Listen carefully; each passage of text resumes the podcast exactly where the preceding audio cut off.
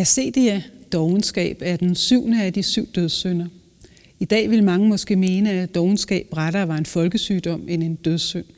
Men det er ikke helt rigtigt, for gælder det gamle ordsprog ikke stadig. Dogenskab er roden til alt ondt. Retten til dogenskab var den provokerende titel på en lille bog, franskmanden Paul Lafargue skrev i 1950'erne. Den udkom på dansk i 1970, og den passede bestemt ikke de etablerede arbejderpartier og fagforeninger, der for enhver pris ønskede fuld beskæftigelse. Lafargue argumenterede omvendt for, at arbejde også kan være spild af menneskelige talenter og føre til åndelig dogenskab. At man som menneske kan få så travlt med at arbejde, at man bliver uopmærksom på det virkelig vigtige spørgsmålet om livets mening. Når man er åndelig doven, lader man stå til og gøre nytten eller nydelsen til selvstændige drivkræfter. Man glemmer at spørge, hvad man egentlig ønsker sig af livet og hvordan man opnår det. Man kaster med andre ord vrag på det liv, man har fået skænket, og det er derfor, at åndelig dogenskab opfattes som en synd mod Gud. Når man derimod er fysisk doven, så skyer man arbejde i enhver form. Og da lønarbejde er et af de bærende omdrejningspunkter i den kapitalistiske markedsøkonomi, ja, så bliver dogenskaben til lige en synd mod det sociale. I 1905 så udgav den tyske sociolog Max Weber afhandlingen Den protestantiske etik og kapitalismens ånd. Og deri argumenterede han for, at der i den tidlige protestantisme skete en ændring af arbejdsmoralen, der gjorde selve det at arbejde til, til en dyd, så arbejdet ikke længere blot så som nødvendigt for livets opretholdelse. Og dermed blev dogenskaben en synd, ikke bare i forhold til en religiøs instans, men også en synd mod det sociale, mod fællesskabet. Og er det ikke stadigvæk sådan, vi ser på dogenskaben? De dogne er dem, der nasser på fællesskabet. Men måske havde Paul Lafayette ret. Burde vi måske indføre retten til dogenskab, og kunne vi i så fald komme af med en hel del søvdoarbejde? Det skal jeg i dag tale med antropolog Dennis Nørmark og filosof Anders Fogh Jensen om. Mit navn er Pia Søltoft. Velkommen til Dyder og Læster i dagens Danmark.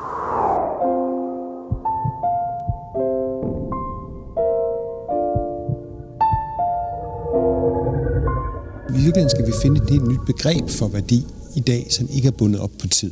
Mm. Altså, som, som i virkeligheden kan løsrives for den her industrisamfunds måde at tænke det på. Så vi skal hele tiden gå og, og, og flage, hvor produktive vi er igennem mm. det der ja. i time manager.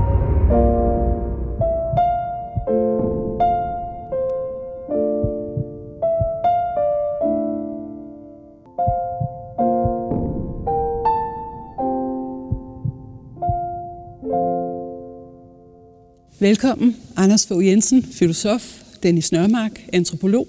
Tak. I har sammen skrevet en bog, der hedder Pseudoarbejde, og I sidder nu her og skal tale med mig om dogenskab. Jeg kunne godt tænke mig at spørge jer, hvad er pseudoarbejde? Altså pseudo, det er noget, øh, man sætter foran for at sige, at det, der kommer bagefter, det ligner det virkelige, men det er ikke det virkelige. Som mm-hmm. Folk kender måske ordet et pseudonym. Det er et pseudonavn. Det står bag på en bog, men det er ikke det rigtige forfatternavn. Det ligner det bare. Ja. Og på samme måde kan man sige, at pseudo arbejde, det er noget, der det, det er betalt arbejde, det er øh, efterspurgt, det er anerkendt, øh, man kan have travlt og blive stresset over det, men det gør ikke rigtig nogen forskel i verden. Nej. Det kunne være en måde at bestemme det på. Ja, det er noget, der ikke flytter noget, egentlig ikke skaber nogen særlig stor værdi. Egentlig, hvis det forsvandt, var der ikke rigtig nogen, der ville bemærke det. Øh, det flytter ikke noget, det omskaber ikke noget. Nej. Og så du arbejde er også tit noget, der står i vejen for øh, inde i et arbejde, at man kan lave det, man egentlig skulle. Altså, det nogen vil kalde kerneydelsen. Det kan man ikke lave, fordi man skal lave alt muligt for at komme frem til det. Kunne man forestille sig, at pseudoarbejde er et forsøg på at skjule en form for dogenskab hos arbejdsgiver eller arbejdstager?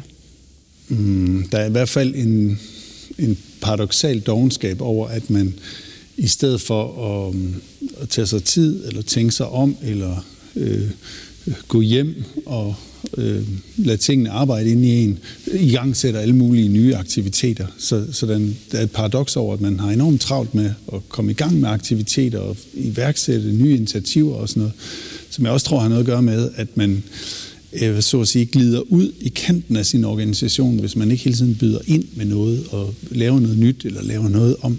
Øh, så der er sådan en paradoxalitet over, det kan godt have med en dogenskab at gøre, nu skal vi have noget mere, mm. i stedet for nu skal vi bare prøve at tænke os lidt om. Altså dogenskab er jo den syvende af de syv kardinaldyder. Og oprindeligt var der talt om, eller tænkt dogenskab som dogenskab i forhold til Gud, øh, som en synd, at man ikke benyttede eller brugte den skabelse, man havde fået. Altså at man ikke tog skaberværket i brug øh, og dyrkede jorden og øh, på den måde fødte sin familie og i det hele taget brugte øh, arbejdet til at tjene Gud og bruge skaberværket. Men efterhånden er der jo også tale om, øh, at dogenskab bliver en social synd.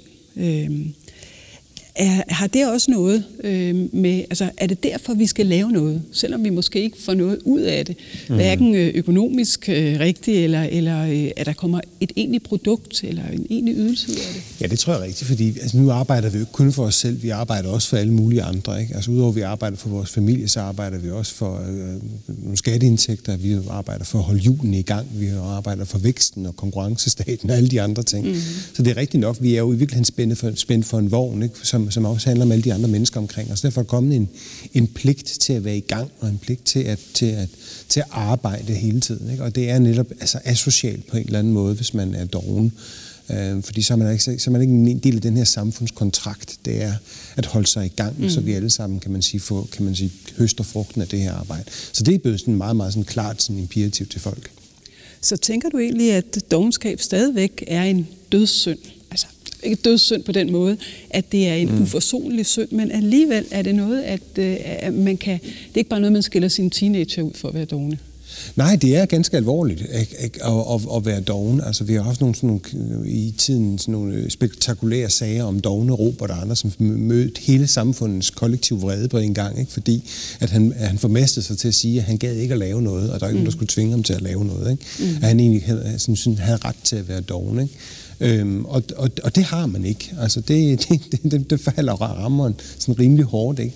hvis man ikke tager del i det her. Så, så jo, det er, blevet, det er blevet en ganske alvorlig ting øh, i virkeligheden. ikke at, Eller give, give udtryk for, at man synes sådan set, at de andre må lave til den, den arbejdsbyrde. For det er også det, man siger umiddelbart. Altså, så bliver det i hvert fald tolket, ikke? når så vi andre så skal, skal så arbejde for, at du kan have det godt. Ikke? Mm. Altså det bliver sådan en, asocial, igen sådan en asocial øh, måde at betragte det på. Spørgsmålet er selvfølgelig, altså, om man skal lave noget bare for at lave noget. Ja, det er jo det. det, er jo det.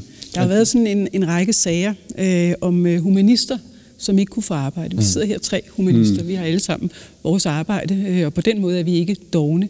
Men der har været nogle humanister, som for eksempel har udtalt, at de ikke ville tage hvad som helst af arbejde, for ja. nu havde de en lang uddannelse, og de kunne faktisk noget med det og det og det. De ville i hvert fald ikke være i netto, hvad var det øh, øh, eksempel, der hele tiden kom frem. Er de så dogne? De er kristne. ja, men de blev kaldt dogne. Ja. Mm-hmm. ja. Øh, altså, om, om det er lige... Altså, de, altså, den her øh, dødssynd øh, kommer fra altså dogenskaben, som også nogle gange bliver oversat med ladhed og, og andre ting, øh, kommer fra det latinske akedia. Mm. Og, og akedia, der betyder også noget, vi kender udtryk, akere sig, at man er, man er, man tager sig af noget, eller for eksempel, nu kunne det jo så være, at man tager sig af Gud, eller man tager sig af sin egen opmærksomhed. Og akedia, det er så, at man bare lader, lader det hele falde. Ikke? Øhm, og øh, man kan jo sige, at de jo egentlig, øh, de såkaldte dogne humanister, jo så kærer sig om noget. De kærer sig om at få et arbejde, der passer til den uddannelse, de har taget. Og øh, på den måde er de ikke øh, akediske, men netop ketiske, hvis man kunne sige det sådan. Ja, ja. ja. Altså, pseudoarbejde, det tilbyder sig jo ligesom hvis man, som, som noget, der måske lyder finere, ikke? og virker mere avanceret, end at sidde i kassen i net, så det virker mere, mere fint at lave en, en, en strategi, men hvis den ikke bliver anvendt til noget, det er jo ligegyldigt, eller skrive, eller rapportere på et eller andet, som ingen nogensinde kunne drømme om at læse, mm. eller altså igen, lave noget, der sådan udvortes til en ligner noget, men, men i virkeligheden ikke har nogen, øh, nogen altså vi ikke virker, eller tilvirker noget som helst, ikke? Øh, men det er måske i virkeligheden mere, så er vi måske over en anden dyd, eller, eller hvad hedder det, andet, andet, en anden dødssynd, som handler om forfængelighed i virkeligheden. Ikke? Mm, altså, at det, de, det er ikke som ikke er i dag. men altså netop, at man, at man pseudoarbejde kan blive en måde, hvor man i hvert fald, så kan man i hvert fald ikke blive beskyldt for at være doven. Ikke? Man kan mm. ikke, fordi nu er man i gang, man laver et eller andet. Det er så desværre virkningsløst. Mm. Men det lyder også som om, at der er kommet en ny dyd på markedet, om man så må sige, nemlig at man skal have travlt. Mm. Altså at man skal på en eller anden måde hele tiden være virksom og være i gang. Ikke? Så det vil sige, at selvom man har taget en lang humanistisk uddannelse og tænker, nu må jeg lige vente til at finde det rigtige, så det må man ikke. Man skal sådan være i gang hele tiden. Man skal have travlt. Altså hvis man siger, jamen, jeg har det fint, det hvor jeg er, der er ikke særlig travlt, så må der være noget galt. Ja, altså jeg tror, at travlheden har, har mange øh, ansigter, og et af dem er ganske rigtigt, at man er, hvis man har travlt, så er man et efterspurgt menneske. Hvis, hvis du altid bare kan få tid i min kalender, så, så er jeg nok mm. ikke særlig vigtig og sådan noget. Øh, men travlhed tror jeg også er et øh, værn mod øh, altså i en kultur, hvor det, som er så meget positiveret, hvor man hele tiden siger ja, er begejstret, initiativrig og engageret, øh, der kan det jo nogle gange godt være, at man har lyst til at sige nej, øh, for eksempel på en arbejdsplads, og sige, den der opgave kan jeg ikke tage, eller det er faktisk ikke mit område, eller det er ikke lige mig det der. Øh, men det nej kan man ikke mobilisere, og så, så mobiliserer man travlheden som sådan præventivt nej. Mm. Hvis, så, hvis man løber rundt med et stykke papir hen til kopimaskinen hele tiden, og, og ligesom de der røgmaskiner på diskotekerne i 80'erne, sådan pumper og stress aura rundt om mm. sig, så kommer folk nok ikke hen og beder en om noget. Så, så det er også en måde sådan at, at prøve at kunne vælge lidt mellem, mellem tingene. Men det er rigtigt, at, at travlhed og jeg, jeg tænker ofte over, at, at de antikke grækere, de ville klasse sig på loven af os og sige, det der med, at I har så travlt med arbejde, det er da ikke, det er da ikke cool. Altså, det er da ikke cool at arbejde meget. Det er, da, det er cool at have tid til noget andet, og så lade nogen arbejde for sig. Øh, der var også noget af det måske i den engel, engelske kolonioverklasse, at det var cool at, at have tid og have tjenestefolk, der heller ikke havde travlt og sådan noget. Men det er jo, det er jo fuldstændig vendt øh, på hovedet nu. Mm. Ja, man kan sige, man kan ikke engang sådan svare på spørgsmålet, altså, om du har travlt med andet end bekræftende. Altså, Nej. altså, altså, ja, det har så er man nemlig doven. For så er du nemlig doven, så er du mm. i hvert fald under, under mistanke for, for at være det. Ikke? Så mm. du bliver nødt til, for ikke at bringe, bringe for eksempel den, der spørger dig i, i, i forlegenhed og sige, jeg har travlt. Fordi vedkommende vil komme i forlegenhed, hvis du siger nej jeg laver ikke noget særligt lige i øjeblikket. Ikke? Altså, det er sådan helt pinligt, ikke? Og, så, og det siger noget om, hvor, hvor meget det er blevet et, et, et, et krav for os, at vi skal være i gang. Ikke? Altså, hvis nu for eksempel man var færdig klokken to, det var mange af dem, vi snakkede med i bogen, mm. der måske var færdige langt før, mm. men de kunne ikke gå hjem, Nej. fordi i virkeligheden var der den her forestilling om, at de var ikke vigtige og betydningsfulde, hvis de ikke konstant kværnede løs med et eller andet, om det så var fuldstændig ligegyldigt, hvad de lavede. Øh, og så, så de ventede jo så på, at klokken faldt i slag, og måtte så finde på alle mulige sådan et eller andet dokument til den femte korrekturlæsning, eller diskutere om en eller anden knap på en hjemmeside skulle flyttes lidt op, eller noget andet, som ingen betydning havde. Ikke? For de kunne, ikke, de kunne ikke lide nogen, der var dogne og ikke gad deres arbejde og gik hjem. Men det handler jo også om, tænker jeg så, hvordan man øh, fordeler sin tid. Altså det der røgmaskiner i 80'erne, det var mm. også der, man fik time manager. Ikke? Jo. Altså sådan nogle store jo. kalender, hvor man kunne skrive alle de der ting, som, som man så skulle gøre øh, i løbet af sin dag. Øh, men det er sådan, det, det er jo ikke alle opgaver, der er time manager-venlige, vel? at hente børn, eller at sidde og filosofere over, hvad er meningen egentlig med, at jeg har det her arbejde osv. De hører ikke til sådan et sted. Mm. Altså, der må man kun have travlt med nogle ting, som giver penge, som man får løn for. Mm. Mm. Er, er det kun den tid, der tæller? Altså det her med at tid og penge, øh, det gamle ordsprog. Øh, er, det, er, er vi nået et sted, hvor kun, kun de timer, der kan faktureres, tæller i et liv? Ja, eller i hvert fald dem, man kan i en eller anden måde kan man sige, redegøre for. For eksempel min kalender og sige, her er jeg så til møde, og her arbejder jeg så på det nye projekt, og her er jeg så ude at tale med kunder, og her sådan. Altså man skal kunne, kunne vise hele tiden, at man er i gang. Ikke? Mm. Og ved, ved for eksempel plaster sin kalender til med de her farvekoder, ikke? så man kan se, at, at her er der noget. Hvis der er, hvis der er huller, hist og pist, ikke? så er det sådan, så er noget, der bare venter med at blive fyldt, fyldt ud med noget nyt, ikke? Mm. som er konkret anerkendt arbejde. Det der med for eksempel at sætte sig ned og sådan, bare tænke over tingene på et eller andet mm. tidspunkt, det er jo det er jo meget svært at gøre. Og det er det, der, der altså, jeg læste, at, at, at for eksempel den gennemsnitlige leder bruger omkring 17 timer om ugen på at holde møder, 10 timer om ugen på at læse mails. Altså, hvornår i himlens navn skal det menneske nogensinde sætte sig ned og være leder? Mm-hmm. Hvornår skal han faktisk tænke over, om hans medarbejdere trives, øh, om, om de gør det rigtigt? Altså, det, det, der er ligesom ikke, fordi det, der kan jo ikke sætte sådan en tænketid ind i kalenderen, ikke? men det mm. burde der måske gøre. Ikke? Men, det, men det, det, kan ikke, det anerkendes ikke inden for systemet. Og derfor så plaster man sig til med de her ting, det anerkendelsesværdige opgaver i stedet for. Noget af det, vi også har, har, har prøvet at vise i bogen, det er, uh, i bogen Søvdearbejde, det er, at at vi, vi snørrede tre ting sammen i industrisamfundet, som gav rigtig god mening, nemlig tid og arbejde og penge. Mm. Altså det, vi kalder timeløn. Øh, det gav rigtig god mening, når man skulle betale folk, der ikke gad at stå foran en maskine. For at stå foran en maskine, så kompenserede man det med penge ved at købe deres tid. Men jo mere vi lever i et, øh, øh, videnssamfund, eller hvad vi nu kalder det, hyperkompleks samfund, øh, lærende samfund osv., hvor vi producerer noget, der ikke øh, foregår fysisk ved en maskine, jo mindre giver det faktisk mening at, mm. at lønne folk i tid, altså at købe deres tid, fordi øh, som vi skriver, så får man deres tid, hvis man køber deres tid. Mm. Øh, og derfor skal de også have tiden til at gå, eller de skal have, de skal selv når der så kommer effektiviseringer, så, så skal de øge kompleksiteten, så tiden går alligevel. Det kunne være et møde skal vare en time, fordi det er standard i Outlook, og efter, ja. øh, efter en halv time har vi nået de fire ud af fem punkter, og så tager det sidste punkt en mm. halv time, fordi så kompliceres det yderligere. Øhm, og derfor er det uhensigtsmæssigt, at man burde egentlig gå væk fra timeløn øh, for, og lade folk gå hjem. Det er i hvert fald vores øh, budskab, fordi det så måske kan ske noget andet. Med man kan, altså man kan sige, at, at nu er den der time manager, den der store tunge bog, den er jo så afløst af Outlook, en kalender, som andre også har adgang til. Ikke? Så man kan, andre kan se, om man laver noget. Ikke? Man kan simpelthen se, hvor meget der er blevet skrevet ind, øh, og hvor der er nogle huller, og så hvis man har sådan en sekretær, så kan han eller hun skrive ind, øh, at der, øh, ja. der skal øh, foregå noget. Ikke? Og det er det, der er så absurd, ikke? fordi at vi stadigvæk tror, at vi skal til sælge tid på den her måde. Mm. Ikke? Altså, og det er stadigvæk det, vi bliver overvåget, hvor meget tid bruger vi. Det som andre siger. Det er fordi, vi stadigvæk tror, at, at tiden er det gode mål for værdi. I virkeligheden skal vi finde et helt nyt begreb for værdi i dag, som ikke er bundet op på tid.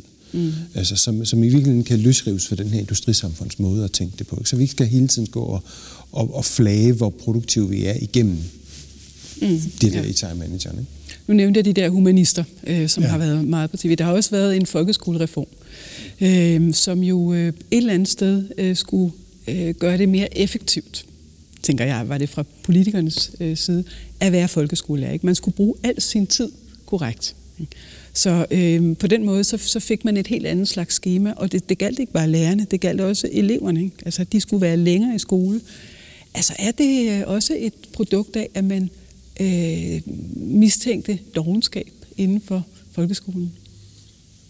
Ja, man vil i hvert fald gået væk fra det, at øh, den erfarne, det er okay, at vedkommende, så at sige, vi er gået væk fra, at man er færdig med at forberede sig, når man er færdig, og mm. ikke når, når der er gået så og så lang tid.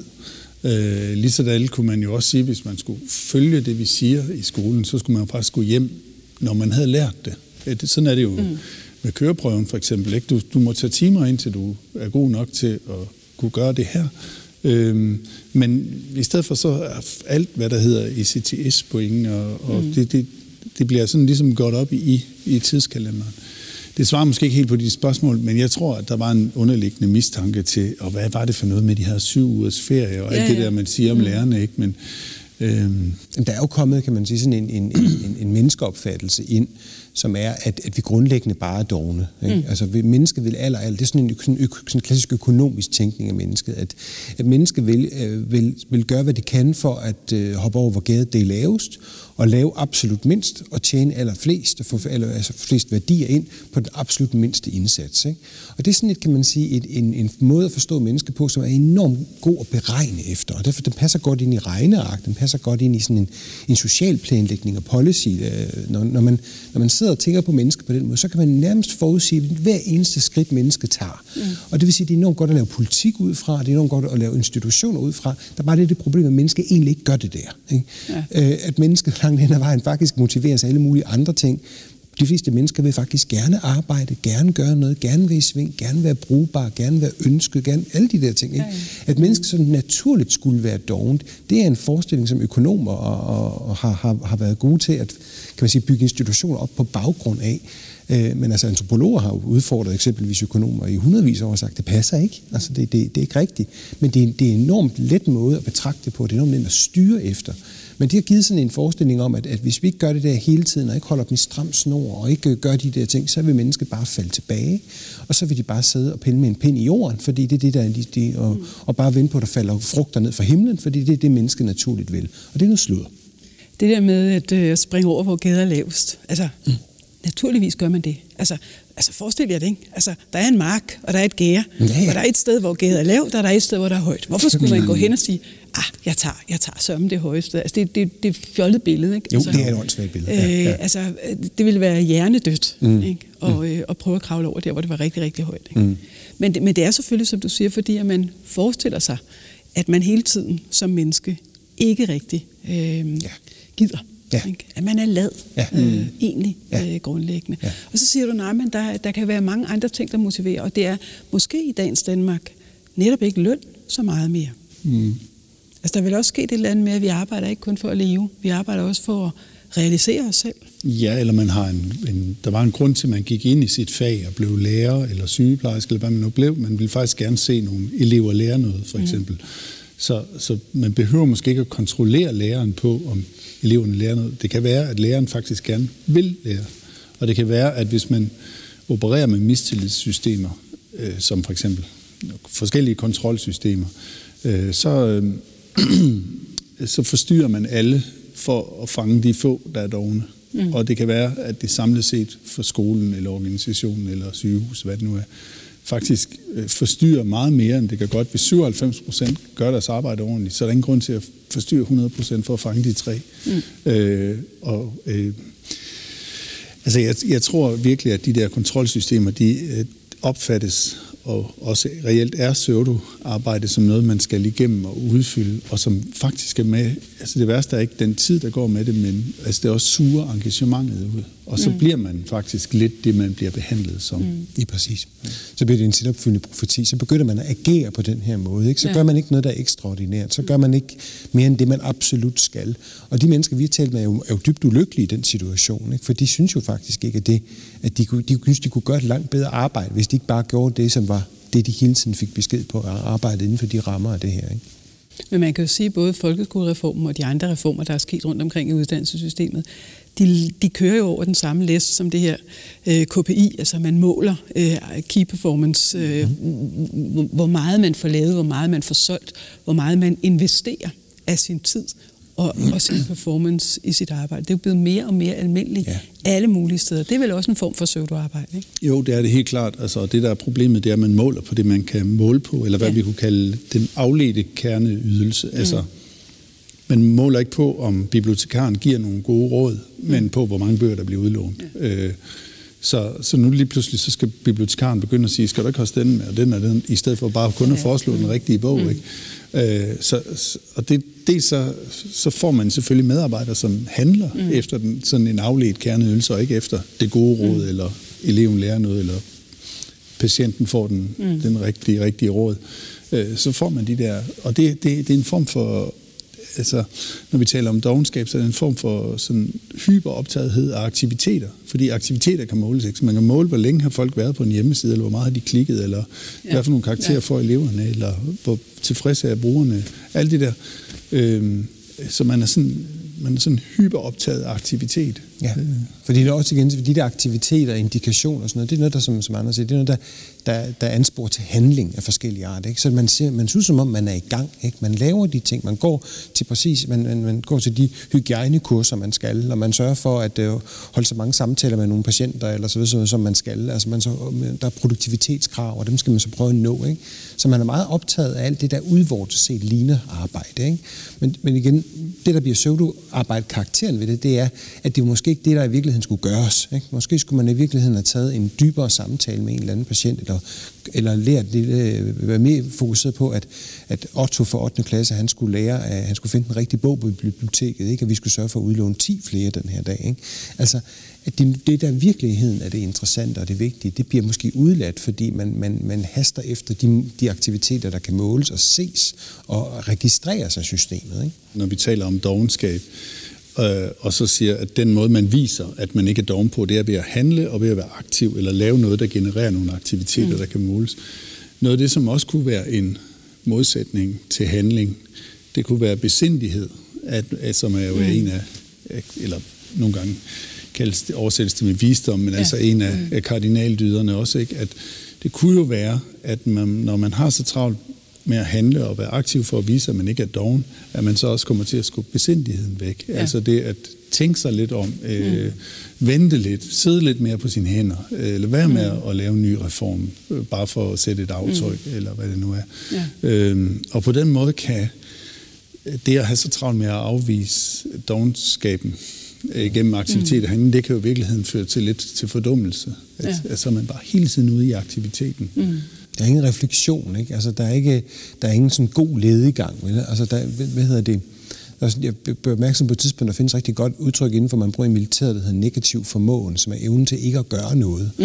Og det er faktisk ret vigtigt at kunne, hvis man eksempelvis er herrefører eller et eller andet, det er faktisk ikke at handle, men lige holde igen. Ja. Altså lige reflektere, lige genoverveje situationen endnu en gang, lige sidde mm. på hænderne. Ikke?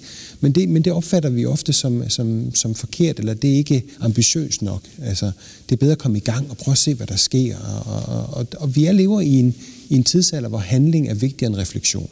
Men så er vi måske alligevel øh, tilbage til dødssynderne, om man så må sige. Ikke? Eller man kan sige, det som Max Weber skrev om den protestantiske arbejdsetik mm. øh, i 1930'erne, øh, om at vi øh, ikke længere bare arbejder for at leve, men at arbejdet i sig selv er blevet en død.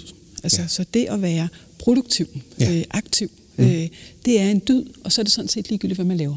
Jamen, det var lige præcis Webers pointe. Ikke? Mm. Det var jo, at de her mennesker, de her kalvinister og sådan, øh, mm. inderliggjorte protestanter rendte rundt og lavede de her aktiviteter, fordi de skulle ligesom, kan man sige, blære sig med over for ja. hinanden og vise, at nu var de, øh, de var asketiske, de mm. kunne holde igen, og de gengæld kunne de arbejde til den, øh, til den lyse morgen. Ikke? Mm. Øh, og det er jo igen sådan en forstillelse, og det kan jo netop blive sådan en, en, en, en tom gestus, ikke? der i virkeligheden skal holde dogenskaben væk som en, øhm, som en, øhm, øh, altså, som, som en dødssynd, men kan udarte sig til en form for forfængelighed i virkeligheden, mm. som jeg også sagde før. Ligesom når vi i dag siger, åh, jeg har så travlt. Ja, altså, ja.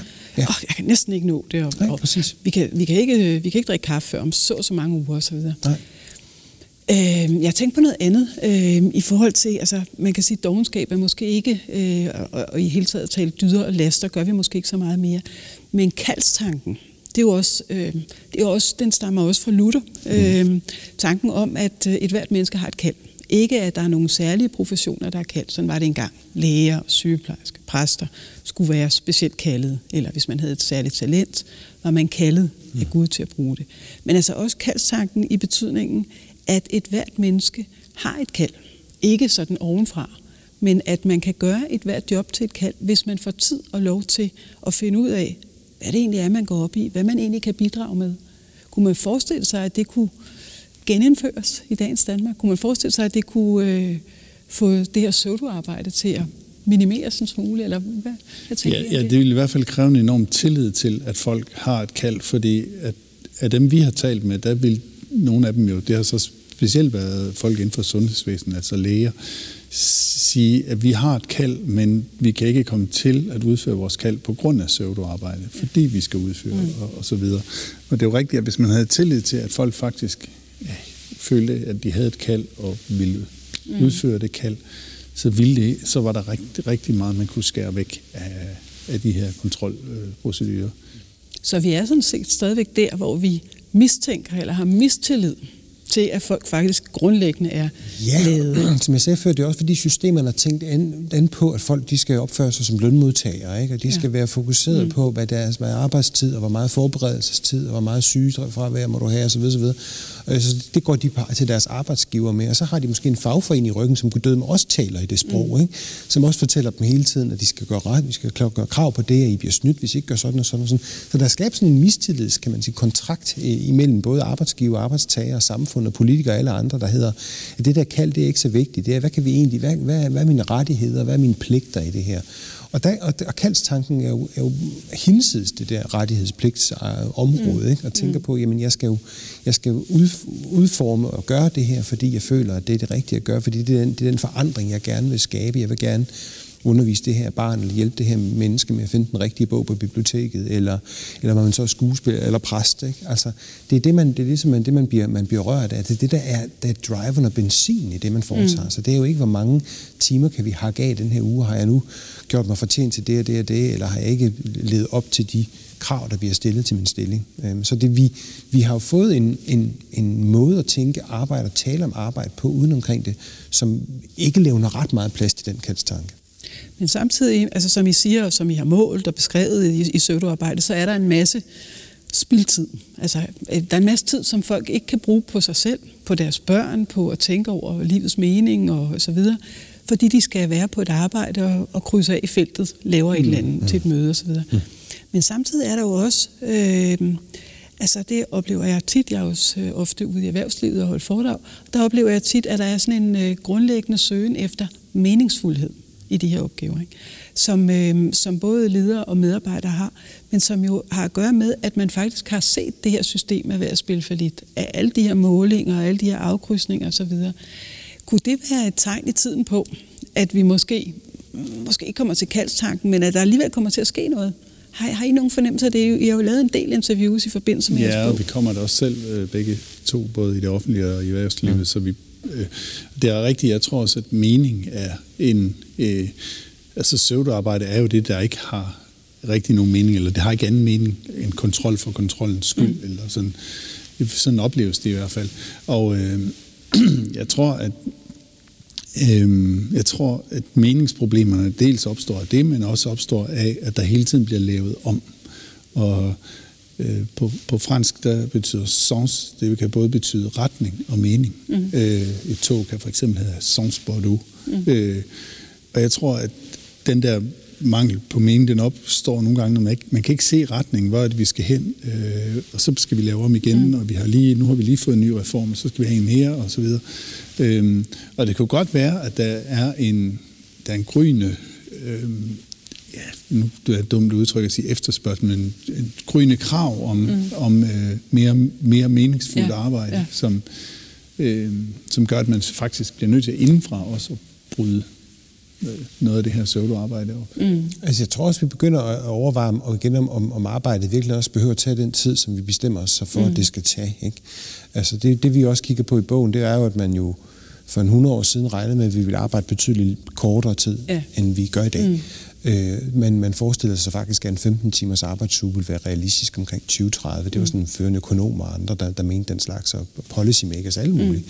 Mm. Øh, og vi, vi synes, vores bog var også drevet af nysgerrighed. Hvorfor blev det aldrig indfriet, det her? Hvorfor, hvor, hvorfor? Og nogle lande har jo sat arbejdstiden Nogle lande har sat, man kan ja. sige, Danmark har jo sat arbejdstiden ned fra, fra, fra for 100 år siden, mm. og vi er jo ikke blevet fattigere af den grund, tværtimod. Mm. vi er ret velhavende. Mm. Så vi, og, og Danmark er en af de lande i verden, hvor folk arbejder mindst. Vi er mm. også velhavende alligevel. Mm. Så i virkeligheden skal vi, som vi sagde før, måske tænke på, jamen, altså, folk bliver lidt, lidt kritiske over for, hvorfor skal jeg så være så meget på arbejde? Ikke?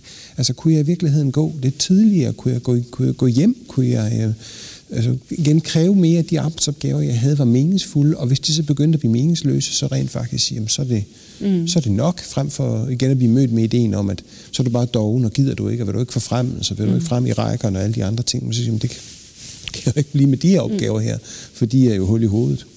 Der er også øh, på et tidspunkt, det vil jeg igen tror jeg, men talen om borgerløn. Mm. Mm. Altså det, er vel, øh, det lyder meget godt. Øh, eller det lyder i hvert fald som ja. en, en måde, et velfærdssamfund som vores kan passe på sine borgere på. Men en af årsagerne til, at man måske afviser det lidt, eller tænker, det er måske dogenskab, eller det er frygten for, at folk er dogne, at hvis de bare fik deres løn ind på deres nemkonto hver evig eneste måned, uden at skulle gøre noget, så ville de ikke gøre noget som helst. Mm. Ja. Altså ville de være rigtig, rigtig dogne. Jamen, det, ja, det er tilbage til den, kan man sige, forestilling, som jeg sagde før, at det vil mennesker grundlæggende. Fordi hvis mm. de bare ville kunne få... Det, det menneske allerhelst ville, det ville være for, ved at få løn uden at arbejde for det. Det er drømmescenariet. Ikke? Men, men er det ikke underligt, altså er vi i et oplyst samfund som det vestlige, at vi stadigvæk bliver ved med at have nogle øh, forestillinger om mennesket, som ikke holder vand? Jo. Ikke? Altså, at vi tænker, at hvis vi bare giver øh, mennesker det, de har brug for, så vil de ikke lave noget som helst. Ja, ja og det eksperiment har vi jo i virkeligheden ikke rigtig prøvet. Ja. Altså, nej, nej. Øh, og det kunne jo være, at folk ville kaste sig over det, vil jeg tro. At folk gerne vil lave nogle aktiviteter, som de kan spejle sig selv i. Mm. At de vil kaste sig over noget frivilligt arbejde mm. eller nogle andre mm. ting. Jeg er ikke sikker på, at hvis vi får øh, arbejdsugen ned, så vil vi bare se endnu mere Netflix. Det er jeg ikke sikker på. Mm. Øh, så vil vi måske give os til enten at lave noget frivilligt arbejde, eller læse de bøger, vi hele tiden taler om, vi læser, men mm. aldrig får læst. Eller, øh, jeg tror faktisk, at vi, vi giver os i kast med nogle, nogle mere meningsfulde øh, aktiviteter. Men det er klart, at når man har sådan en lang arbejdsliv, så orker man ikke andet end den der serie, man nu mm. følger med i. Øh, det kan jeg godt forstå. Så måske berører vi også noget andet vigtigt her, som jeg synes, det er vigtigt for mig, nemlig at at når vi har så travlt med at komme væk fra dogenskaben igennem travlhed og aktivitet osv., så, videre, så opstår der en anden form for øh, dogenskab, som måske mere den sådan mentale eller åndelige mm, dogenskab. Ja. Øh, filosofen Hegel havde et udtryk om, at det var, man må gøre sig begrebets anstrengelse, når man mm. skulle forstå noget. Ikke? At det er faktisk anstrengende nogle gange at forstå. Det, er også, det kan også være anstrengende og langsomt at få læst en roman, eller mm. øh, sætte sig ind i noget, man ikke kender endnu. Øh, men det er som om, at, og det synes jeg tit, man oplever, at så skal man forklare tingene hurtigt, eller man skal, i stedet for at læse romanen, så skal man lige have et referat af den, eller øh, kan du ikke lige sådan, ja. hele opstående mm. TED-talks er også en mm. et eller andet med, kan du ikke lige sige på fem minutter, hvad drejer I det her? en magiterning. Ja, ja, i en ja. magiterning, det bliver man tit øh, bedt om, ikke? Mm. Og, øh, og det er også... Bøgerne er også blevet rigtig små efterhånden. Ja, de er blevet rigtig små, og man oplever også, mm. jeg synes også, man oplever tit det der, hvis, hvis du som foredragsholder bruger et ord, som nogen ikke forstår, så er det en fornærmelse mod dem. Mm. Det er ikke dem, der lige sådan skulle prøve at anstrenge sig, fordi der ligger måske også det der i det. Hvis du under neden, du skal tale i et sprog, jeg allerede forstår, mm. der ligger måske også, du skal sige en tanke, som jeg allerede har forstået. Mm. Øh, at du må ikke du må ikke byde mig noget anstrengelse. Og, og der tror jeg, at den her enorme travlhed, den fører til en anden form for... Ja, det for, tror jeg, du har ret i. Altså, øh, når man sidder øh, så mange timer på sit arbejde og ja. laver noget, man ikke mm. egentlig synes, at nogen, der er nogen mening i, så gider man ikke også anstrenge sig, når Nej. man så kommer ud en aften og skal høre et foredrag eller læse en bog. Eller, ja. mm. øh, og så kan man jo sådan set faktisk se lidt smule doven ud. Ikke? Mm. Altså, fordi mm. jeg, jeg kunne da også... Altså, det er rigtigt, det, det, alt det, Anders op, opremser er jo rigtigt nok, selv popsangen er blevet kortere i dag. Ikke? Ja. Og der går kortere tid til, at man skal, mm. kan man sige, fange melodien og så videre, så videre. Så så bliver de komponeret, ikke? fordi mm. at man kan sige, at det der attention span er blevet så kort. Ikke? Så vi skal kunne fanges ret hurtigt. Så vi er virkelig blevet en smule dogne i retningen af, at, at, øh, at, at bruge den, den tid, der skal til, for rent faktisk at sætte sig ordentligt ind i tingene. Ikke? Øh, og læse de bøger, der er lange, og, og, og, og gøre sig umage på tingene. Ikke? Så vi er blevet mere åndeligt dogne, men måske ikke mere fysisk dogne. Altså, der er jo masser af aktivitet. Mm. Ikke? Folk løber rundt i fitnesscenter, i parkerne og alle mulige andre steder. Ikke? Der er jo ikke rigtig Nej. nogen dogenskab. Altså, på den måde har bevægelse jo vundet indpas altså sådan, mm. i, i, øh, i fysisk form. Men det der, du nævnte med, at der er jo ikke lavet nogen undersøgelser om, øh, altså, hvorvidt folk ville være dogne, hvis de fik det hele serveret, eller hvor, hvorvidt de faktisk ville øh, finde en aktivitet. Mm. Det er der jo ikke, men til gengæld er der jo, vi bliver meget ældre nu. Det vil sige, at vi har en ret lang pensionsalder. Øhm, og de fleste mennesker, de øh, tænker jo ikke bare på, hvad skal jeg så lave mellem jeg, mellem jeg er 70 og 75? Hvad skal jeg lave mellem jeg er 70 og 100? Ikke? Mm. Det er 30 år. Altså, og der kommer alt det der ind med planlægning af øh, frivilligt arbejde, eller hvor skal vi rejse hen, eller hvad kan vi gøre? Mm. Altså, det, det er jo ikke, det, man ser jo ikke pensionister, der tænker, Nej. nu skal vi bare sidde i kakkelovnshjørnet og drikke kaffe. Nej, det gør du ikke. Og, altså. du, det, det, og du, du, du, du har faktisk lavet eksperimenter med borgerløn og andre, mm. hvor du heller ikke så det der. Ja. Ikke? Men det er sjovt, at hele vores beskæftigelsessystem er jo sat op på, at mennesker, når de først modtager en offentlig forsørgelse, så vil de ikke lave noget. Derfor mm. er det jo sat sådan op, at man pisker dem rundt med mm. konstant hvad hedder det, ja, ja. overvågning og mm. konstant mm. mistænkeliggørelse, fordi systemet er sat op på, at hvis vi ikke holder dig i enormt kort snor og kalder dig ind til møder hele tiden mm. og kontrollerer dig i hovedet og undskyld med sprog, mm. men så vil, øh, så, vil, så vil de ikke lave noget. Ikke? Og det er jo den der, altså, der har, der har systemet jo overbevist sig selv og hinanden om, at, at, at de her mennesker, de skal, de skal simpelthen pryles til at lave det her, ja. det her øh, være i gang. Om det så er ligegyldige, tåbelige aktiviteter, som at lave på endnu et CV-kursus, der ikke vil gøre nogen forskel, mm. eller sælge 100 ansøgninger ud, som ingen nogensinde vil bruge mm. til noget. Det, at du bare holder dig i gang der, det er simpelthen vigtigt. Ikke? Mm. Øhm, og det er jo, altså, der har du perverteringen af det her i sin, i sin ekstrem. Ikke? Det er, at det er fuldkommen umuligt for de her mennesker bare at sige, jeg tager lige en slapper et halvt år.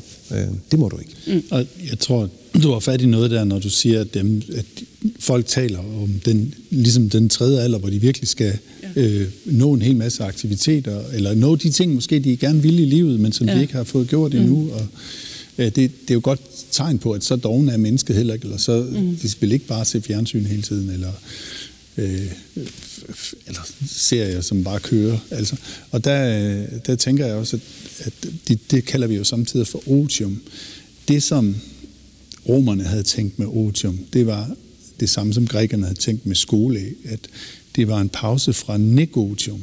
Altså mm. det var en negation af, af markedspladsen, hvis man ja. kan sige det sådan, mm. ikke? Der hvor man negocierer og, og travler, der er alarm, og det er ligesom at være på en banegård. Der mm. skal der være, der er otium. Det er ikke noget, der kommer sidst i livet. Det kunne være pauser for det mm. undervejs. Og, og tid tror, til fordybelse. Ja, ja, og jeg tror, hvis vi ikke vi var så bange for dogenskaben, så tror jeg, at vi kunne indføre nogle bedre sådan overlovsordninger, mm. så man ikke bare nødvendigvis skulle være gravid eller syg for at mm. få ja, ja. overlov, men at der kunne være mm. pauser inde i til så give sig i kast med det, som, som mm. man, hvor man kan udfolde sig på en anden måde. Og jeg tror faktisk også, at vi vil se mindre sygdom, hvis der var flere af den slags mm. ordninger.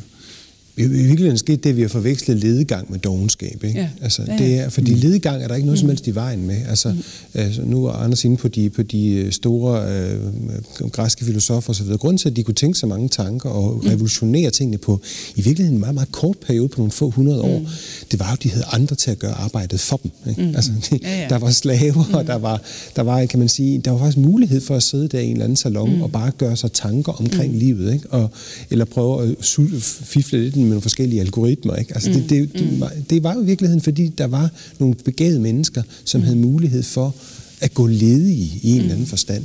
For, fordi som, som, som de med pensionisterne, deres hjerter, hjerner stod jo ikke stille. Mm. Altså, de blev jo ved med at, at få idéer. Ikke? Så i virkeligheden skal vi jo tilbage til at sige, at ledegang er faktisk i virkeligheden godt. Altså, Og det at være, være ledig en gang imellem er godt. Ikke? Fordi at, at øhm, altså får du faktisk muligheden for den der refleksion, der kan føre til nogle større tanker, nogle større idéer. Men hvis vi bedøver os med arbejde konstant, ikke? Mm. og kværner rundt i et hamsterhjul med nogle aktiviteter, der ikke engang peger i en anden særlig retning, jamen så kommer det ikke. Og så går vi på et tidspunkt intellektuelt i stå, og så går samfundet måske også en smule i stå. Mm. Ja. Nej, men der, i det her kompleks, vi snakker om mellem ledegang og dogenskab, som Dennis rigtig siger, vi har mm. forvekslet dem, der er der måske også et tredje begreb, som øh, trænger sig på, nemlig kedsomhed. Ja. At det kunne godt være, at man mm. i kedsomheden også, der er jo den her berømte, smukke formulering af Walter Benjamin, der siger, at ked, kedsomheden er drømmefuglen, der udruer erfaringens æg. Mm. Og så siger han, og restlen i krattet fordriver den, altså den drømmefugl. Ja. Det vil sige, hvis du aldrig keder dig, så får du ikke øh, de erfaringer, du har omdannet. Altså, så bliver de bare æg og ikke levet erfaring. Og, det tror jeg, der skal til en gang med. Og så, så har vi den måske i små steder, så sidder vi i bilkøen og keder os, eller ja. så står vi og kommer i tanke om noget inde under bruseren, mm. eller et eller andet. Men vi kunne godt have lidt flere af, af de, de rum der, ledige rum. Så hvis man skal konkludere, konkludere lidt på vores samtale, så er ledegang ikke roden til alt ondt, men der kan Nej. faktisk skabes mm. noget produktivt. Og man skal aldrig springe over, hvor gæret er højst. Nej. Det er jo fjollet. øhm, jeg siger tusind tak for samtalen til dig, Anders Fogh Jensen, og til dig, Dennis Nørmark.